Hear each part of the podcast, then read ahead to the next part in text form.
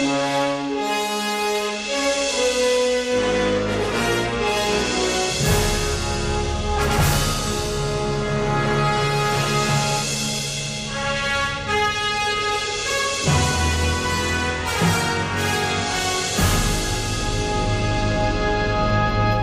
Finestrés, aquests dies es parla molt de Regreso al Futuro, ja que estem celebrant els 30 anys de la seva estrena i també perquè aquesta setmana hem atrapat la data a la que viatgen Marty McFly i Doc Brown al futur a la segona part. Segur que ja heu vist reportatges de quins invents s'han fet reals i quins no. Segur que a Esports us han explicat que els Chicago Cubs de béisbol estan a la final i podrien complir la profecia que va pronosticar la segona part de que serien campions 107 anys després. De manera que nosaltres no mirem endavant, nosaltres mirem enrere. Ahora vuelves a estar a salvo en 1955.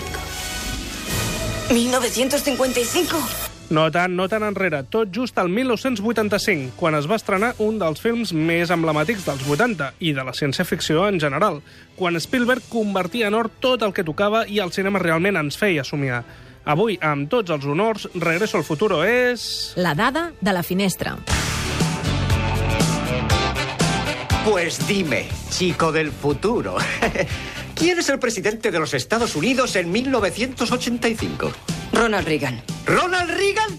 ¿El actor? ¡Ja! ¿Y quién es el vicepresidente? ¿Jerry Lewis? Ronald Reagan va quedar tan impactat per aquesta frase que a un míting al 1986 va fer servir una altra cèlebre frase de la pel·lícula per simbolitzar el progrés de la seva proposta.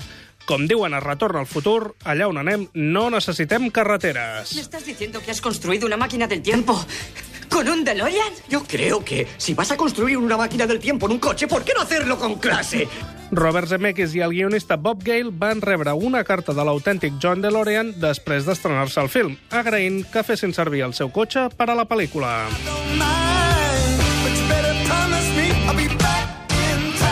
Malgrat l'increïble èxit de la pel·lícula, el projecte va ser refusat fins a 40 vegades abans d'obtenir el que en cinema es coneix com llum verda. Concretament, el cap de la Universal del moment, Sid Sheinberg, deia que el film era una estafa, ja que es deia Regreso al futuro i no es veia el futur en cap moment, que el títol s'havia de canviar i que s'havien d'afegir altres canvis com acudits amb aliens i altres barbaritats. Spielberg li va respondre amb una carta en la que posava que gràcies per les bromes, que tot l'equip havia rigut molt amb elles. Schoenberg no va dir res més i va deixar que la pel·lícula es rodés tal com estava. Tu actitud es francamente negativa, McFly. Eres un vago. La primera opció per Marty sempre va ser Michael J. Fox, però no podia per problemes de compatibilitat amb la sèrie Enredos de Família. Eric Sols va començar a rodar la pel·lícula. Passades quatre setmanes de rodatge, tant ell mateix com Robert Zemeckis van veure que allò no funcionava. De manera que van arribar a un acord amb la sèrie perquè Michael J. Fox pogués fer les dues coses a la vegada. Això sí, dormint 5 hores diàries. Tornar a rodar les escenes que Eric Sols ja havia rodat va costar 3 dels 19 milions de dòlars de pressupost. Curiosament, Ralph Macchio, protagonista de Karate Kid, va ser el primer a refusar el paper. Va dir que el guió era una tonteria d'un noi amb un cotxe i plutoni. Molta vista, el nano. En canvi, Johnny Depp es va presentar al cast i no va ser fins a anys més tard que, repassant les notes del càsting, Robert Zemeckis se'n va donar que li havia fet una prova, ja que ell no ho recordava. No devia fer una gran prova, doncs.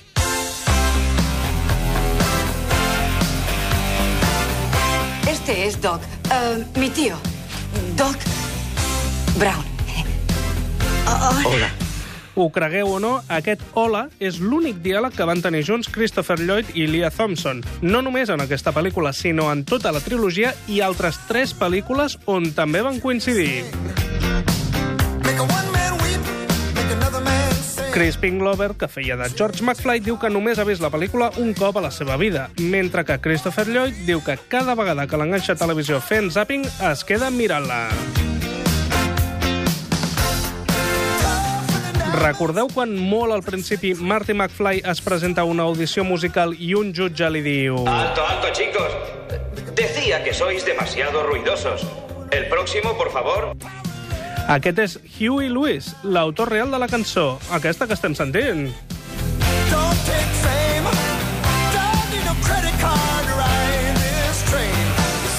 Jennifer, a mi madre le daría un patatús si supiera que voy contigo y me echaría un sermón de campeonato. La maquíssima Claudia Wells interpretava a la nòvia de Marty, Jennifer Parker. Va ser substituïda per Elizabeth Shue a la segona i a la tercera part quan la seva mare va ser diagnosticada amb càncer. Recordeu aquest diàleg? Einstein se acaba de convertir en el primer viajero en el tiempo del mundo. Lo he enviado al futuro. Un minuto en el futuro, para ser exacto.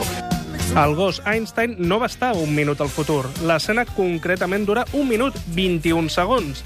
Es va fer com a acudit perquè, com tothom sap, per viatjar en el temps es necessita... Este cacharro es eléctrico, pero necesita una reacción nuclear para generar 1,21 gigavatios. ¡1,21 gigavatios! ¡1,21 gigavatios! ¡Válgame Cristo! I ho deixem aquí. Regreso al futuro és, novament, una d'aquelles pel·lícules dels 80 de la qual no acabaríem mai d'explicar coses. És que n'hi ha 20 dades. Qui sap si aviat tindrem una excusa per seguir amb el tema. Però per acabar de forma simpàtica, una última anècdota. Michael J. Fox diu que encara hi ha gent que el saluda com a Marty McFly pel carrer.